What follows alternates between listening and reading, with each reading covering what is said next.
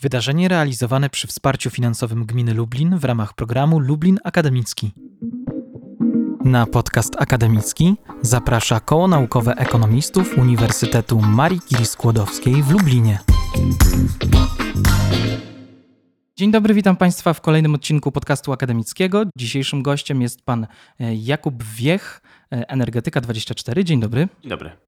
E, zaczniemy od pytania, które jest jak najbardziej aktualne. Mm, mijają już ponad 100 dni wojny na Ukrainie u naszego wschodniego sąsiada. W związku z tym chciałbym zadać takie pytanie, czy Władimir Putin, według Pana zdania, rozpętałby tę wojnę, gdyby nie uzależnienie Europy Zachodniej od surowców energetycznych pochodzących właśnie z Rosji i, i, i zapewne liczenie, że reakcja Zachodu nie będzie e, aż tak dotkliwa dla niego.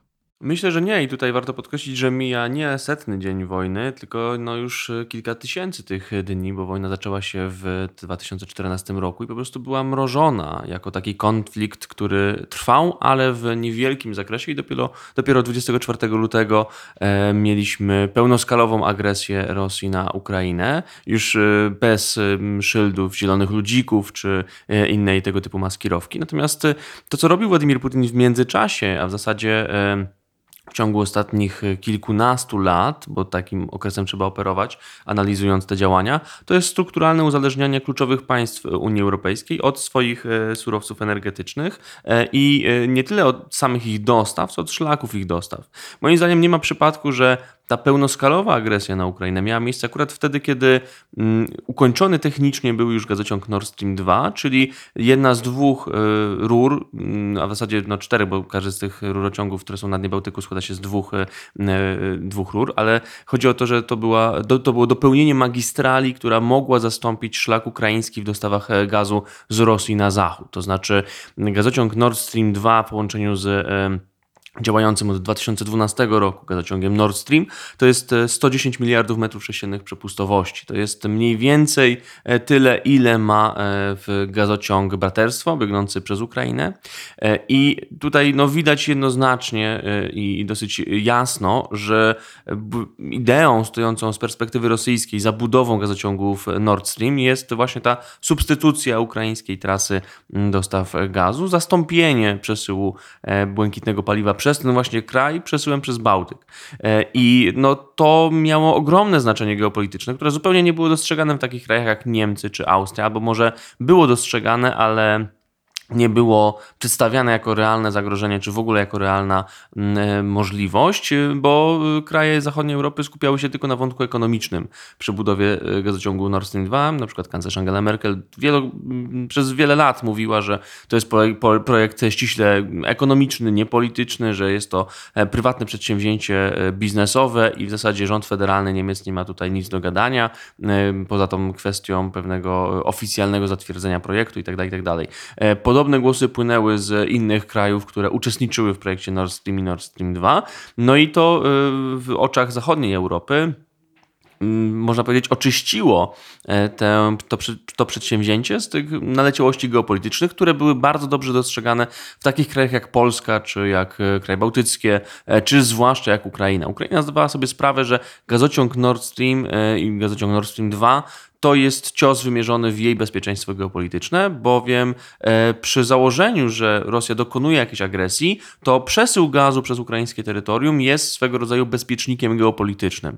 E, I e, możemy sobie wyobrazić sytuację, kiedy nie ma alternatywy dla mm, gazociągu braterstwo biegnącego hmm. przez Ukrainę i kiedy Rosjanie mm, radzą sobie znacznie lepiej w ofensywie niż sobie teraz radzili, to Ukraińcy w ramach takiej no, ostatniej linii obrony mogą na przykład wstrzymać dostaw gazu, dostawy gazu na, na zachód. Wtedy Europa znalazłaby się w potężnym kryzysie y, gazowym. Jak potężny możemy sobie wyobrażać, y, wnioskując chociażby po oporze e, przywódców europejskich wobec y, działań Rosji zmierzających do, do, do czy, czy może po oporze względem nakładania sankcji na Rosję, które miałyby objąć dostawy gazu, albo też po uległości co do mm, narzuconego mechanizmu rozliczeń za ten surowiec widzimy, że Europa Zachodnia nie jest gotowa na pozbawienie się rosyjskiego gazu, więc gdyby w tej hipotetycznej sytuacji Ukraińcy zdecydowali o wstrzymaniu dostaw, to mogliby bardzo szybko zwrócić uwagę zachodniej Europy na to, co się dzieje w ich kraju. Natomiast gazociąg Nord Stream i Nord Stream 2 zdejmuje ten bezpiecznik geopolityczny, bo Rosjanie mogą wtedy powiedzieć, że okej, okay, nie, ma, nie ma przepływu przez gazociąg braterstwo, rzucamy wszystko na Bałtyk. Ten wolumen, który płynął dotychczas przez e, Ukrainę, będzie płynął przez Bałtyk. I to jest technicznie możliwe nawet teraz, bo gazociąg Nord Stream 2 jest technicznie ukończony, może przesyłać gaz, brakuje mu tylko tak zwanej certyfikacji. Natomiast no oczywiście to przygotowanie do, do, do e, rosyjskiej inwazji, tej pełnoskalowej, e, to jest coś znacznie szerszego niż tylko budowa gazociągu Nord Stream 2. To idąc wcześniej, no mamy właśnie dążenie do tego, żeby energetyka była tą smyczą e, zaciśniętą na, na szyi Europejczyków, trzymaną w ręku przez Władimira Putina. Mamy strukturalne uzależnianie od e, rosyjskiego surowca. Mamy e, wykupywanie europejskich polityków w nadziei na pozyskanie ich kontaktów, możliwości lobbowania za rosyjskimi projektami. No, do, tego grona naliczą chociażby, zaliczają się chociażby Gerhard Schröder, czy Karin Kneis, była szefowa austriackiej dyplomacji, czy Wolfgang Schissel, były austriacki kanclerz, Paweł Lipponen, były premier premier Finlandii, e, François Fillon, czyli e, kandydat na prezydenta Francji. Czyli jest... Można powiedzieć, że kluczowi politycy. E, z najwyższej półki, absolutnie z najwyższej półki. Ten naj, powiedzmy najpoważniejszy sortyment polityków europejskich pracował dla Rosjan. I to trzeba powiedzieć dosyć, dosyć wprost, żeby Europejczycy mieli świadomość pewnej, no tutaj waham się nad użyciem słowa korupcja, raczej to jest pewna możliwość pozyskania kluczowej wiedzy oraz kluczowych umiejętności e, na potrzeby państwa, które jest jednoznacznie wrogie, wrogo nastawione do, e, do Europy. E, więc to był proces, który, który był długotrwały, poprzedziła go bezpośrednio, znaczy ten, ten, tę inwazję z 24 lutego poprzedziła bezpośrednio taka energetyczna podgotowka w postaci podkręcanego przez Rosję kryzysu energetycznego w Europie, polegającego na wstrzymywaniu dostaw gazu e, czy ograniczaniu ich, e, w, jeżeli chodzi o przesył przez cały rok 2021. Tak, mieliśmy e, symptomy już tego, że coś się będzie działo. Dokładnie. Mieliśmy opróżniane magazyny tego surowca, które były kontrolowane przez Gazprom na przykład w Niemczech, w Austrii czy w Holandii. Więc to były czerwone lampki, to były poważne ostrzeżenia, które nie powinny być bagatelizowane już na samym starcie, ale niestety Europa w dużej mierze no, uległa stworzonemu przez samą siebie takiemu energetycznemu liberalizmowi. Lekcja sobie ważyła te sygnały ostrzegawcze oraz e, z dużą pobłażliwością popatrzyła na coraz to bardziej agresywne działania Rosjan. Mhm, Okej, okay. no to jest, y, dziękuję, to wyczerpująca y, odpowiedź. Mm, czy ta krótkowzroczność europejskich elit państw zachodniej Europy, czy ona wraz z tą agresją pełnoskalową na Ukrainę, mm, czy ona się skończyła, czy, czy dalej możemy powiedzieć, że oni trwają w takim letargu i, i starają się z jednej strony coś robić, a z drugiej strony i szukać jakiegoś wyjścia awaryjnego, żeby jednak ten grunt już złożony na, na tym ołtarzu współpracy i te wszystkie ofiary, e, żeby nadal, e, nadal móc robić e, jakieś deale z Rosją i, i nadal robić ten interes. Zastanawiam się, czy na pewno była krótkowzroczność. Moim zdaniem to była polityka oparta na złych przesłankach, na złych założeniach, bo e, Europa miała plan na Rosję. Tylko, że ten plan zawiódł, bo był beznadziejnie skonstruowany. To znaczy, Europa myślała, że Rosjanie to jest taki sam kraj jak każdy inny w Europie, tylko że no mają tam swoje problemy, ale generalnie dążą do tego samego, to znaczy do podnoszenia swojego poziomu życia, do bogacenia się, do tego, żeby ich dzieci miały, miały lepiej i tak dalej, e, i tak dalej. E, jest taka piosenka Stinga, Russians, gdzie on śpiewa, że I hope Russians love their, their children too. I to jest troszeczkę za, założenie, które przyświecało Europejczykom. Znaczy, myśmy myśleli, że E, tak mówiąc gremialnie, że Rosjanie chcą tego, co najlepsze dla siebie w tym naszym rozumieniu, czyli bogacenia się życia w komforcie, w wygodzie i tak dalej. I że jeżeli Europejczycy wejdą w bardzo duże e, kontrakty, interesy, e, między innymi energetyczne z Rosjanami i wpompują do rosyjskiej gospodarki setki miliardów euro, to ten strumień pieniędzy e, będzie grał rolę pewnej właśnie takiego kagańca nałożonego na pysk reżimu Władimira Putina. To znaczy, że te pieniądze powstrzymają Moskwę od dalszej agresji, no bo mając na szali albo do, te, te, te potężne środki dopływające regularnie z Europy, albo jakąś tam realizację swoich e, zamierzeń geopolitycznych, które wiązałyby się no, z agresją wymierzoną w swoich sąsiadów, to Rosjanie wybiorą zdecydowanie tę pierwszą e, wartość, czyli po prostu będą chcieli budować e, swoje państwo dobrobytu, korzystając z petrodolarów, nazwijmy to w ten sposób. No tylko, że Rosja to nie jest taka, tak zbyt normalne państwo i, i ich y, przywódcy rosyjscy y, i w ogóle pewnego rodzaju mm, takiej, y, użyję takiego zagranicznego słowa mindset rosyjski, odbiega od standardów, które mamy na Zachodzie. E, I to jest widoczne właśnie bardzo dobrze 24 lutego, kiedy Władimir Putin rozpoczął pełnoskalową wojnę wojnę, tłumacząc się jakąś denazyfikacją Ukrainy. Równie dobrze mógł powiedzieć, że nie wiem, walczy z wioską smerfów, bo to jest mniej więcej ten sam poziom tak, absurdalny. Me me merytoryczny, jeżeli chodzi o uzasadnienie tego konfliktu. Natomiast y, Zdała się rzecz tragiczna, bo rozpętała się wojna w Europie e, i e, nagle się okazało, że Zachód po pierwsze zupełnie nie ma planu na to, co zrobić dalej, a po drugie, że no, okazało się, iż ta dotychczasowa polityka kompletnie zawiodła, ale nie ma na razie, i to mówimy już z perspektywy tych 100 dni po, e, nie ma na razie głębokiej rewizji tej polityki. Tutaj przechodząc do tego, co, co, co pan pytał o, o możliwości powrotu do business as usual. Tak, są takie możliwości. I to myślę, że e, po wystąpieniach na przykład kanclerza Scholza czy prezydenta Macrona widać wyraźnie, że Francja czy Niemcy grają niezwykle zachowawczo wobec tego konfliktu. E, I ta, ta, ta zachowawczość może przejawiać się w tym, że jeżeli na przykład Rosja. Osiągnie jakiś tam swój cel strategiczny na Ukrainie i odstrąbi ograniczone zwycięstwo, albo e, uzna, że właśnie no, zdenazyfikowała, cokolwiek to znaczy w tej percepcji Władimira Putina, e, i e, odstąpi na przykład od ofensywy, albo po prostu zamrozi ten konflikt, zrobi z tego powtórkę z lat 2014-2022, to już będzie to sygnał do, dla Berlina czy Paryża, żeby wznowić kontakty energetyczne, między innymi z Rosjanami, że to już będzie taki, mm, taki e, powiedzmy impuls, by no, y, studzić emocje wokół tego konfliktu, żeby wracać powoli do business as usual i tak dalej. Myślałem jeszcze nie tak dawno, że wobec okrucieństwa, y, które Rosjan, które, które widzieliśmy, czy to w Buczy, czy... Tak, czy te zdjęcia były przerażające. Właśnie w innych miejscach Ukrainy, gdzie giną cywile, gdzie dokonuje się mordów na, na ludności cywilnej, e, egzekucji, czegoś, co w Polsce jest bardzo dobrze znane przez pryzmat naszej historii i takich epizodów jak, jak Katyń, e, to, e, że tam będzie to no jednak e, ta, ten impuls e, sprawi, iż e, rozmów z Władimirem Putinem nie będzie. Po prostu, że ten polityk będzie absolutnie izolowany. Persona non grata po prostu. Dokładnie, że to będzie już coś ostatecznie skreślającego dla, dla tego człowieka, dla tego przywódcy. Natomiast widzę po, po tych e, słowach na przykład prezydenta Macrona, że trzeba tutaj Rosji, nie wolno Rosji upokorzyć, że trzeba dać Putinowi wyjść z twarzą.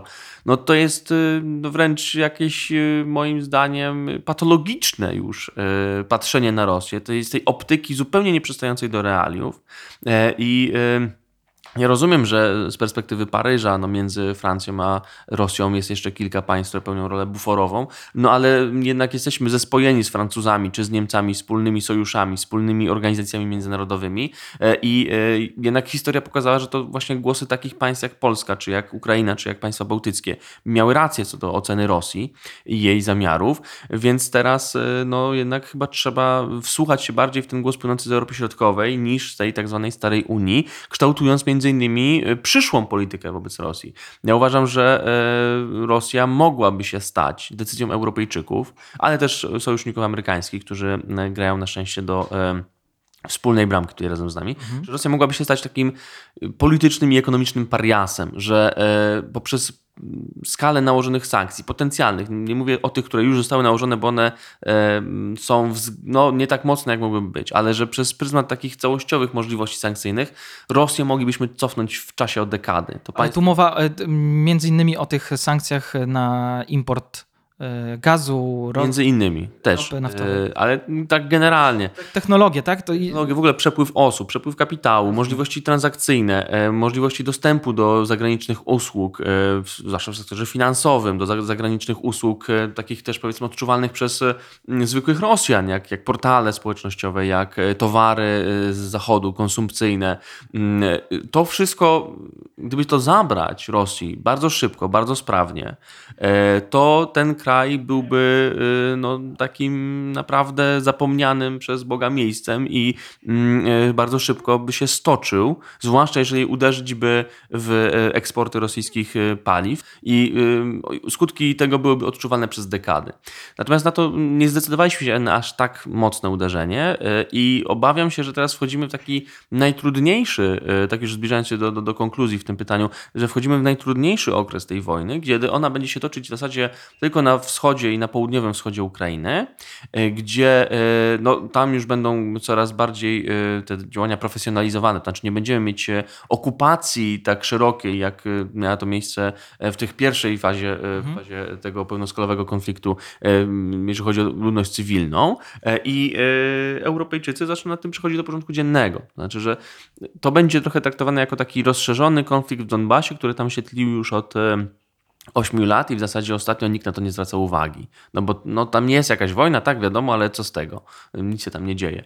E, I to może być powrót do tej, do tej polityki. Myślę, że Rosjanie też wyciągają wnioski e, z fiaska swojej tej trzydniowej kampanii, która się rozciągnęła na 100 dni. E, Natomiast, e, natomiast to jest bardzo niebezpieczne z per- z perspektywy Europy, zwłaszcza tej Europy Środkowej, bo my powoli tracimy ten potężny, potężną energię społecznego odruchu w Europie.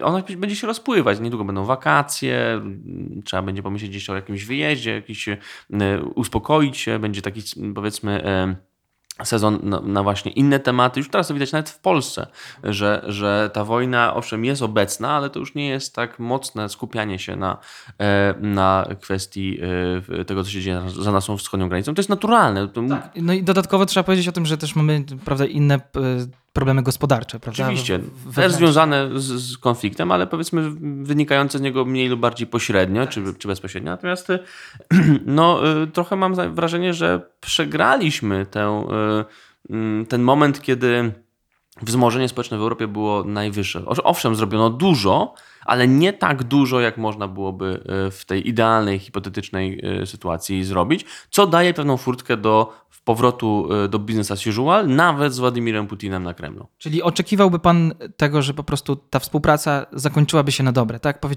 powiedzielibyśmy po prostu, nie ma powrotu do tego, co było. E, W żadnym stopniu Nord Stream 2 będzie zdemontowany, e, te rury na, e, na e, dnie Morza Bałtyckiego po prostu zostaną usunięte i, i, ta współpraca zostanie e, utracona na zawsze. Znaczy, ja bym oczekiwał czegoś takiego jak doktryna gwarantowanego wzajemnego zniszczenia, znana z, dokty- ze strategii wojskowej, ale przeniesiona na grunt ekonomiczny. To znaczy, jeżeli Europa już stawia wszystko na tą swoją ekonomiczną kartę, na ten właśnie energetyczny liberalizm, twierdząc, że przepływ kapitału powstrzyma Rosję przed agresją, to naturalną konsekwencją tej polityki jest, że kiedy okazuje się, iż y, jednak same. em, kontrakty i, i dopływy tych pieniędzy nie odegrały odpowiedniej roli, to w takim wypadku Europa wdraża opcję atomową, czyli po prostu niszczy gospodarkę rosyjską. Tak, jak może to zrobić najpełniej. Że to, jest, y, to jest naturalna konsekwencja y, tego układu, w którym jeden z graczy postanawia wyłamać się spod zasad i grać, y, e, grać nie tak, jak przebiega rozgrywka do tej pory, jest niszczony, po prostu jest dewastowany. I tego nie ma. Bo już teraz na przykład widać po kursie rubla, który odbił się bardzo dynamicznie po e, decyzji, w zasadzie już chyba teraz można powiedzieć, większości klientów Gazpromu w Europie, że będą podporządkowali się oni e, temu mechanizmowi płat, za, zapłaty za gaz w po, podług tego schematu przeliczeniowego na rubla właśnie przez konto w Gazprombanku. No to jest y, naprawdę y, taki klin wbity w jedność europejską. Widzieliśmy też, co się działo podczas debat o y, sankcjach na ropę z Rosji. E, To, są, to jest bardzo zły y, prognostyk, jeżeli chodzi o potencjalne rozmowy na temat sankcji na rosyjski gaz. E, Czas leci, emocje spadają. No, widać tutaj możli różne możliwości zamrożenia tego, tego konfliktu. Europa nie wykorzystała tej, zdawałoby się, naturalnej opcji stojącej przed nią e, wobec wydarzeń, przed którymi, e, które, które miały miejsce 24 lutego. No i teraz e, w zasadzie dryfujemy już w stronę coraz bardziej pewnego ukształtowania, może trudnych przez pewien czas, może mm, ograniczonych, ale jednak relacji z Rosją, które mają szansę się unormalniać w tym znaczeniu, wracać powoli do kształtu sprzed 24 lutego. No, jak teraz pan mówi o, e, o właśnie tej no, niekrótkowzroczności, czyli tak naprawdę no, tej polityce, która nie przewidywała tego zachowania Rosji i zdawało się wszystkim, że, e, że będą się zachowywać jakoś racjonalnie, e, to jest ciekawe, że Europa nie doceniła Rosjan, a Rosjanie nie docenili chyba Ukraińców, co, co jakoś im się zaraz szybciutko czkawką odbiło. Dobrze, mamy Unię Europejską, mamy wspólny, e, wspólny rynek e, i wspólną politykę energetyczną. E, mamy coś takiego jak Act Fit for 55 mm, i chciałem o nim chwilkę porozmawiać, ponieważ w kontekście tego kryzysu, który teraz mamy, tej wojny, mm, gdzie został popełniony błąd, ponieważ te plany Unii Europejskiej dotyczące właśnie sektora energetycznego są dalekosiężne. One wybiegają 20 lat do przodu y, pod względem redukcji emisji y, dwutlenku węgla do atmosfery. Mm, czy były tam jakieś zapisy, czy zastanawiano się w ogóle y, na temat właśnie taki można powiedzieć, kluczowy bezpieczeństwa energetycznego. Czy, czy o tym się generalnie nie myślano i, i właśnie stwierdzili, że okej, okay, mamy Rosję, od nich będziemy kupować, oni będą grzeczni, no bo my kupujemy, dajemy im technologię. Tak, e, jeżeli chodzi o Fit for 55, no to jest kilka aktów, w zasadzie projektów, aktów normatywnych Unii Europejskiej, bodajże 14 e, dyrektyw i rozporządzeń.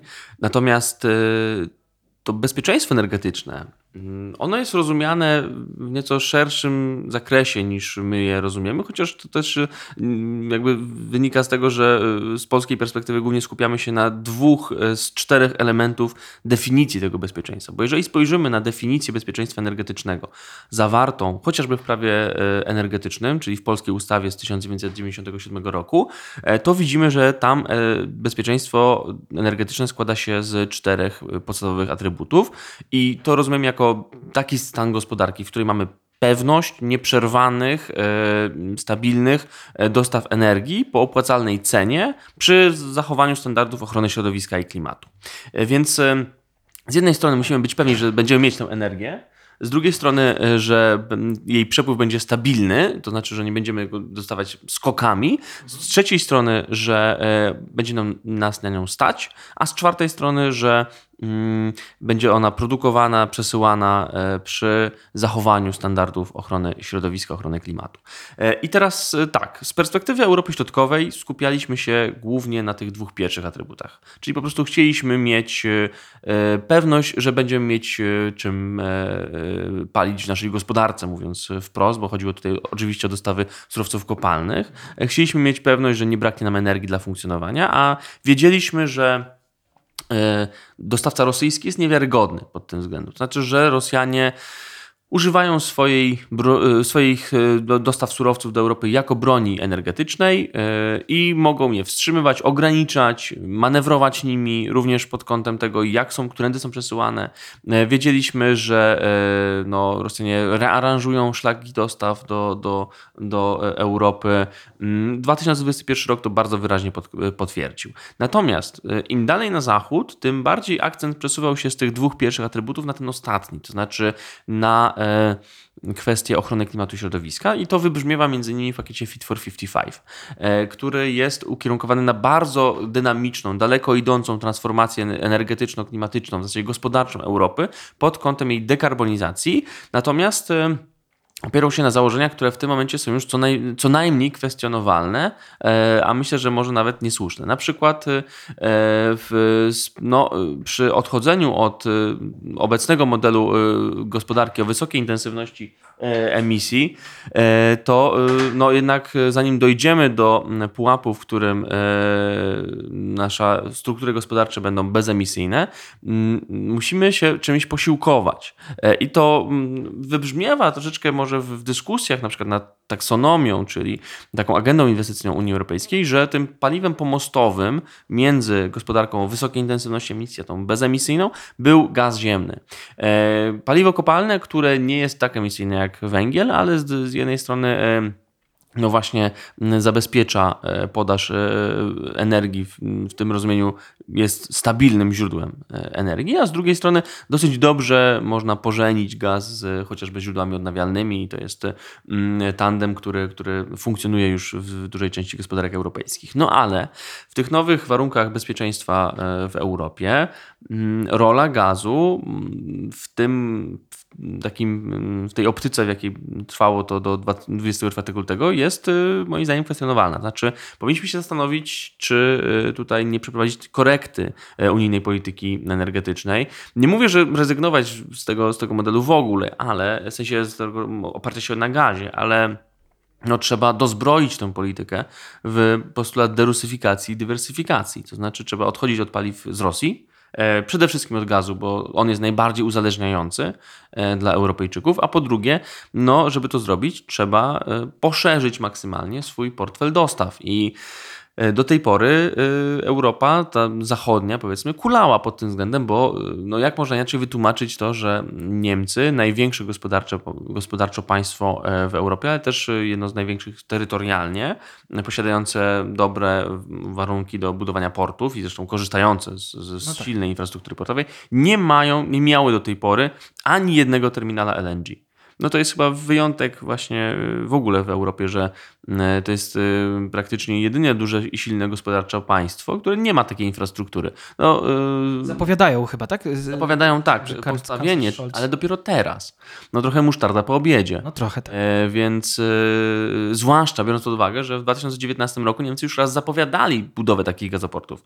E, kanclerz Angela Merkel to e, zadeklarowała, przyparta do muru amerykańskimi sankcjami, ale z tym nic nie zrobiono. E, więc e, jest to dosyć, e, no takie, można powiedzieć, symboliczne w tym kontekście rozmowy o tym, co Europa robiła źle i, i ten, ta, ta bezalternatywność w podejściu do transformacji energetycznej będzie się odbijać też na transformacji proklimatycznej. Znaczy, uważam, że ona może spowolnić w Europie, że możemy wpaść w taki mm, okres krótki względnie, znaczy mhm. kilkunastu miesięcy, może kilku lat, gdzie transformacja e, w kierunku neutralności klimatycznej będzie szła wolniej niż zakładano.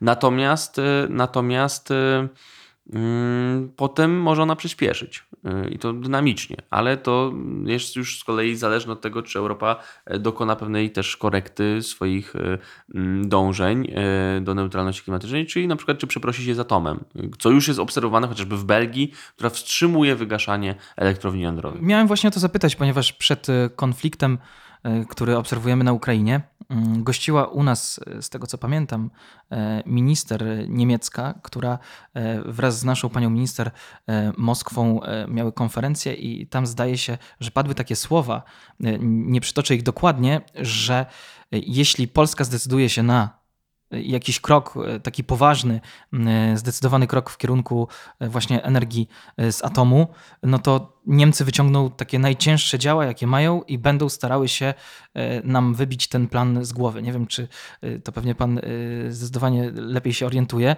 Mm, czyli możemy liczyć na to, że teraz to się zmieni, że, że podejście do atomu y, się zmieni i z której strony powinny być naciski.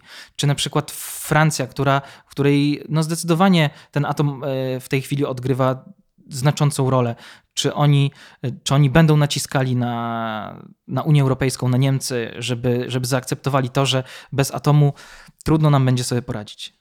Tak, tutaj się odnosi Pan do słów e, minister Berbok, która tak faktycznie tak w Warszawie e, jeszcze w tym roku powiedziała, że w razie tutaj, gdyby e, Polska ruszyła z projektem jądrowym, to Niemcy mogą sięgnąć po pewne możliwości prawne, weryfikacji bezpieczeństwa tego projektu, co jest takim moim zdaniem też właśnie trochę no, zawoalowaną groźbą, bo wiemy jak na przykład Zieloni, czyli partia, z której wywodzi się pani minister, hmm. podchodzi podchodzą do kwestii bezpieczeństwa polskiego atomu. Mieliśmy zlecony mm, przez e, Zielonych raport dotyczący bezpieczeństwa polskiej elektrowni jądrowej, który opierał się na założeniu, że ta e, elektrownia będzie niebezpieczna, więc dowiódł oczywiście to, że jest niebezpieczna, no bo to trudno, żeby na, na, na pójść w innym, innym torem. E, więc e, e to jest coś, co jest faktycznie dosyć dosyć negatywne z tego punktu widzenia stabilnego rozwoju e, Europy, ale z drugiej strony teraz patrzę na to, jak rysuje się podział między też wywodzącym się z, z, z właśnie z, tej, z tego kręgu e, wicekanclerzem Habeckiem, a e, kanclerzem Olafem Scholzem, który, e, no mówię tutaj oczywiście o kanclerzu Scholzu, jest parodią kanclerza w tym momencie e, i to taką bardzo nieudaną, e, a z kolei kanclerz y, Habeck y, no, wyrasta powoli na tego racjonalnie patrzącego, y, który z jednej strony dba o bezpieczeństwo Europejczyków, a z drugiej strony też potrafi przedłożyć pewne bieżące sprawy związane z rozpętaną przez Rosję wojną nad dotychczasowy model funkcjonowania polityki niemieckiej. E, I to jest pocieszające. Natomiast już odnosząc się do tego, jakie tutaj naciski można wdrożyć, Kluczowym naciskiem, który powinien zostać wdrożony, to jest decyzja o budowie elektrowni jądrowej w Polsce. Albo y, jakakolwiek inna decyzja z jakiegokolwiek innego państwa członkowskiego w tym właśnie kierunku. I takie decyzje się pojawiają, bo mamy mm, w samej tylko Europie Środkowej y, mamy Czechy, Słowację, Węgry, Rumunię, Bułgarię. Y, to są kraje, które już zaczęły swoje projekty jądrowe albo są w trakcie przygotowywania do nich. I to jest szeroki potencjał. Sama Ukraina teraz bardzo inwestuje w atom e, i trwa cały czas współpraca między e, ukraińskim e, energoatomem a spółką Westinghouse, która zapowiedziała, że będzie dostarczać paliwo jądrowe do ukraińskich elektrowni i będzie budować reaktory AP1000 na Ukrainie. Więc widzimy, że atom tutaj wchodzi w pewien okres renesansu, a jest to technologia, która naprawdę się przydaje z perspektywy właśnie wyhamowywania emisji, dekarbonizacji gospodarki, więc głupotą y, po stronie Unii Europejskiej byłoby jakiekolwiek powstrzymywanie tego rozwoju, który pomimo niesprzyjających warunków, bo umówmy się, atom nie jest tak wspierany jak źródła odnawialne, nie mhm. może korzystać nawet z ułamka tego samego wsparcia, które jest zaoferowane źródłom odnawialnym na rynku energii Unii Europejskiej, atom się rozwija cały czas w, w Unii. E, więc e, mamy tutaj szansę na napędzenie teraz tego rozwoju, natomiast robi się to poprzez decyzję o budowie elektrowni. Tutaj też y, no, nie, nie przerzucajmy całej odpowiedzialności na jakąś Unię, która nam zakazuje e, budowy, bo to nie jest tak, że e, nie wiem, że, komis że, że, że szefowa Komisji Europejskiej van der Leyen blokuje dostawy mm, surowców budowlanych do Lubiatowa, żeby no tak nie mogła powstać elektrownia. To jest już tutaj piłeczka jest po stronie rządu w Warszawie. Mhm. Rządu, który bardzo powoli przymierza się do budowy e, tej elektrowni, bo e, obecna ekipa rządzi już siódmy rok. A na razie ta dyskusja na temat y, elektrowni jądrowej w Polsce cały czas jest dyskusją. I owszem, widzę pewne, te, pewną dynamikę teraz wydarzeń. Mamy na przykład już wypuszczone e, raporty do, e, dotyczące oddziaływania środowiskowego, mamy wybraną tą preferowaną lokalizację. Jest też pewien ruch w płaszczyźnie komunikacyjnej na linii rząd-społeczeństwo co do e, podkreślania zalet elektrowni jądrowej, ale nie ma decyzji. Ja w elektrownię jądrową w Polsce uwierzę, jak zobaczę, że wykupiono działkę pod jej budowę. To wtedy uznam, że okej, okay, coś się dzieje. Natomiast na razie jest to bardzo obiecujący projekt, ale cały czas jest na tej płaszczyźnie mocno, e, mocno e, no, formalnej. Rozumiem. Mm, wobec tego, gdzie szukać, oprócz atomu, gdzie jeszcze moglibyśmy szukać alternatywy teraz, na, jeśli chodzi o wsparcie generalnie Europy i e, tego eksportu do Europy surowców. Skąd moglibyśmy oczekiwać, że na przykład zapewni nam ktoś dostawy gazu w, w takim wolumenie, który by zaspokoił przynajmniej większość tego zapotrzebowania e, i na przykład ropy naftowej, bo wiemy, że my tam gdzieś się zwracamy w stronę Kataru, w stronę właśnie Azji. E, Stany Zjednoczone, coś, coś oferują. Czy to jest wystarczające i, i czy to ma jakąś przyszłość? Czy to może się udać, że jednak jeśli byśmy się zdecydowali na to, że faktycznie zrywamy te stosunki e, z Rosją, czy, czy w perspektywie na przykład roku, dwóch lat udałoby się całkowicie uniezależnić? Myślę, że tak. Znaczy, e, niestety obecny rynek energii jest cały czas no, mocno podminowany pozostałościami po pandemii, no i teraz oczywiście wojną, ale jeszcze nie poradziliśmy sobie z tymi zaburzeniami okresu e, koronawirusa. E, I to widać chociażby po cenach frachtu, po dysproporcji, e, rażącej dysproporcji podażowo-popytowej, jeżeli chodzi o nośniki energii. Więc jest dużo czynników, które jeszcze nie ustabilizowały się do tego poziomu, powiedzmy, z 2019 roku. Natomiast e, mamy naprawdę szerokie pole dostawców, które mogą, którzy mogą zastąpić Rosję, jeżeli chodzi o dostawy ropy czy gazu. Mamy Przecież Norwegię, bardzo bliski nam geograficznie kraj, z którego Polska będzie czerpać gaz. Mamy Stany Zjednoczone, mamy państwa Afryki Północnej, mamy Nigerię, mamy Australię. Mm, e, jest naprawdę, e, oczywiście państwa arabskie, z których też bardzo szeroko korzystamy. E, jest sporo opcji. Pytanie tylko, czy będzie wola polityczna, żeby e, z jednej strony dostosować naszą gospodarkę do no, przewektorowania energetycznego ze wschodu na powiedzmy zachód, czy na ten, e, na ten kierunek powiedzmy oceaniczny, morski, bo to drogą morską będzie głównie dostarczany ten nowy, e, nierosyjski, nowa nierosyjska energia. No i czy będziemy w stanie też udźwignąć pewne koszty, które się z tym zwiążą, bo no to, że będzie drożej przez pierwszy, powiedzmy, okres, to jest raczej pewne, no bo tutaj wchodzą chociażby koszty inwestycyjne związane z budową potrzebnej infrastruktury, e, czy z tym, że właśnie te ceny mm, surowców i paliw są cały czas rozchwiane. Natomiast e, tutaj warto pamiętać, żeby do tych e, kosztów, które płacimy, czy do tych cen za rosyjskie surowce energetyczne, doliczać koszt polityczny. No, koszt, który się objawia najpełniej na Ukrainie, ale też w innych państwach Europy również, bo, e, bo Rosja ingeruje w sprawy Europejczyków także pod kątem militarnym, czego dowodem jest e, akcja GRU w e, czeskich składach amunicji, kiedy ten, ten, ten obiekt został wysadzony e, przez komórkę GRU w 2014 roku. No to jest akt agresji wobec państwa Unii i NATO. Terrorystyczny można powiedzieć. Podobnie było zresztą na przykład z Aleksandrem Litwinienką, prawda? Litwinienką, ze, Skripala, ze Skripalami. No, Rosja też próbowała zabić Nawalnego, który może nie jest z perspektywy europejskiej jakimś super obiecującym politykiem. Pod kątem, Demokratą i... Tak, to, to, to nie jest taki taka właśnie demokratyczna opozycja i mm, e, ta pogodna twarz Rosji, aczkolwiek no, pewne standardy trzeba przyjąć. E, I e, Europejczycy nie powinni dopuszczać do tego, żeby kraje sąsiednie, z którymi utrzymujemy bardzo duże kontakty, po prostu sobie zabijały ludzi, bo im nie pasują politycznie. Natomiast mm, to jest do zrobienia, to uniezależnienie się od Rosji, w tym nawet krótkim terminie. Natomiast to, to jest kwestia kosztów. Kosztów, które w dużej mierze niestety nie są przez Europejczyków widziane, przynajmniej nie w pełnym zakresie. Dziękuję ślicznie. E, tym miłym akcentem zakończymy rozmowę taką szerszą o e, energetyce. Naszym gościem był Jakub Wiech. Dziękuję ślicznie. Dziękuję również. Mm, podcast przeprowadził Bartłomiej Kawałek. E, tradycyjnie zapraszam do śledzenia naszych mediów społecznościowych i do usłyszenia. Na podcast akademicki zaprasza Koło Naukowe Ekonomistów Uniwersytetu Marii Curie-Skłodowskiej w Lublinie. Wydarzenie realizowane przy wsparciu finansowym Gminy Lublin w ramach programu Lublin Akademicki.